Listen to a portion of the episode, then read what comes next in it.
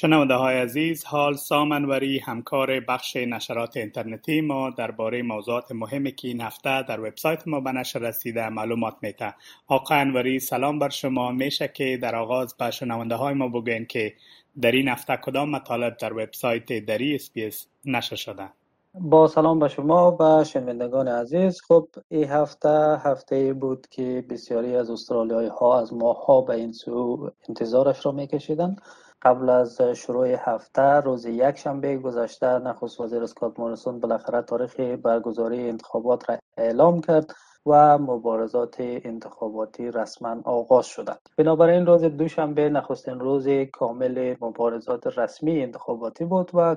های کمپین رهبران دو جناح عمده سیاسی در استرالیا براه افتادند.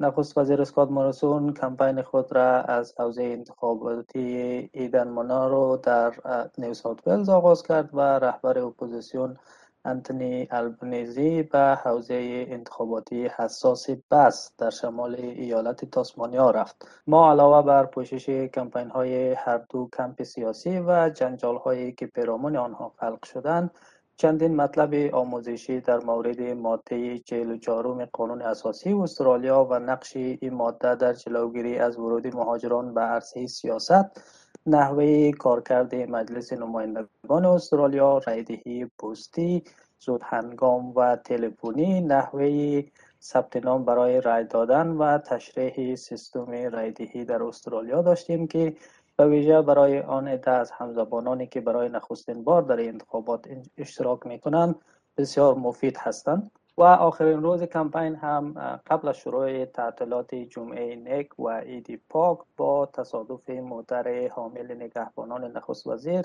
در تاسمانیا رقم خورد که به تعقیب او آقای مورسون بقیه برنامه های کمپین خود را لغو کرد.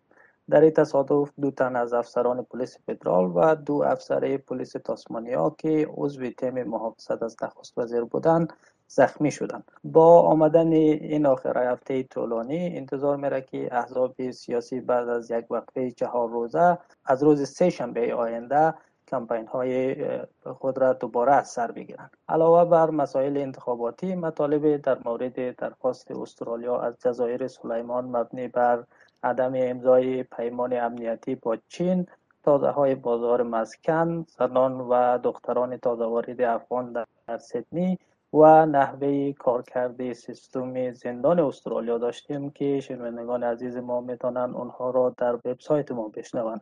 و همچنین قسمت هشتم سلسله درس های انگلیسی SBS را داشتیم که شنوندگان عزیز ما می‌تونن اونها را در وبسایت ما app رادیو SBS یا podcast app های دلخواه خود بشنوند. تشکر آقای انوری شما به موضوع انتخابات فدرالی استرالیا اشاره کردین. میشه که در مورد ای که ثبت نام برای انتخابات چی وقت پایان می‌رسه و مسائل دیگه را که در مورد انتخابات است و شما لازم می‌بینین که باید با جزیات با های ما شریک ساخته شود.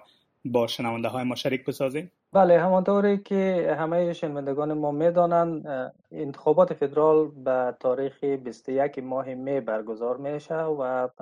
روز دوشنبه گذشته اعلام شد که مطابق قانون انتخابات افراد واجد شرایط رای دادن تا یک هفته بعد از اعلام تاریخ انتخابات وقت دارند که نامشان را درج فهرست رای دهندگان کنند.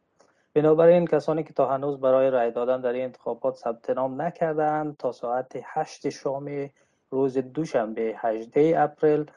فرصت دارند که ثبت نام کنند. همچنین کسانی که مثلا از یک جا به جای دیگر نقل مکان کرده یا نام خود را تغییر داده تا عین زمان فرصت دارند که آدرس یا نام جدید خود را در فهرست رای دهندگان تغییر دهند. همانطوری که می‌دانین رای دادن در استرالیا اجباری است و کسانی که بدون عذر موجه رای ندهند متقبل جریمه نقدی میشن. ثبت نام در فهرست رای دهندگان بسیار آسان است و شنوندگان عزیز ما که حتی هنوز ثبت نام نکردن می‌تونن با رفتن به وبسایت کمیسیون انتخابات استرالیا که آدرسش aec.gov.au/enroll است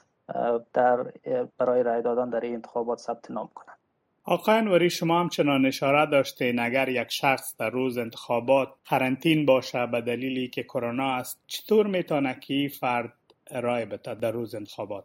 بله کمیسیون انتخابات استرالیا اعلام کرده که رای دهندگانی که در روز انتخابات به دلیل الزام به قرنطینه خانگی قادر به حضور در مراکز رای دهی نیستند از حقشان برای اظهار نظر درباره آینده استرالیا محروم نمیشن. این کمیسیون میگه که برای استرالیایی هایی که در 21 می به دلیل ابتلا به کووید 19 یا شناسایی شدن به عنوان تماس نزدیک یک بیمار دیگر کرونا اجازه خارج شدن از خانه را نداشته باشند یک سیستم رایدهی تلفنی راه اندازی می‌کنه که این سیستم در نوع خود اولین سیستم در استرالیا می باشد رای دهندگانی که گزینه های رای دهی زود هنگام و پوستی را از دست داده باشند برای دسترسی به گزینه رای دهی تلفنی یا اضطراری باید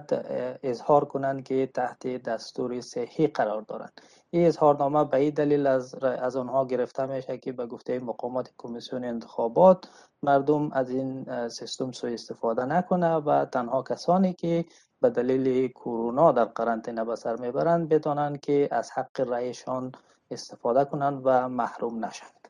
آقای سام انوری تشکر از این معلوماتتان روز خوش داشته باشین. تشکر از شما خدا نگهدار.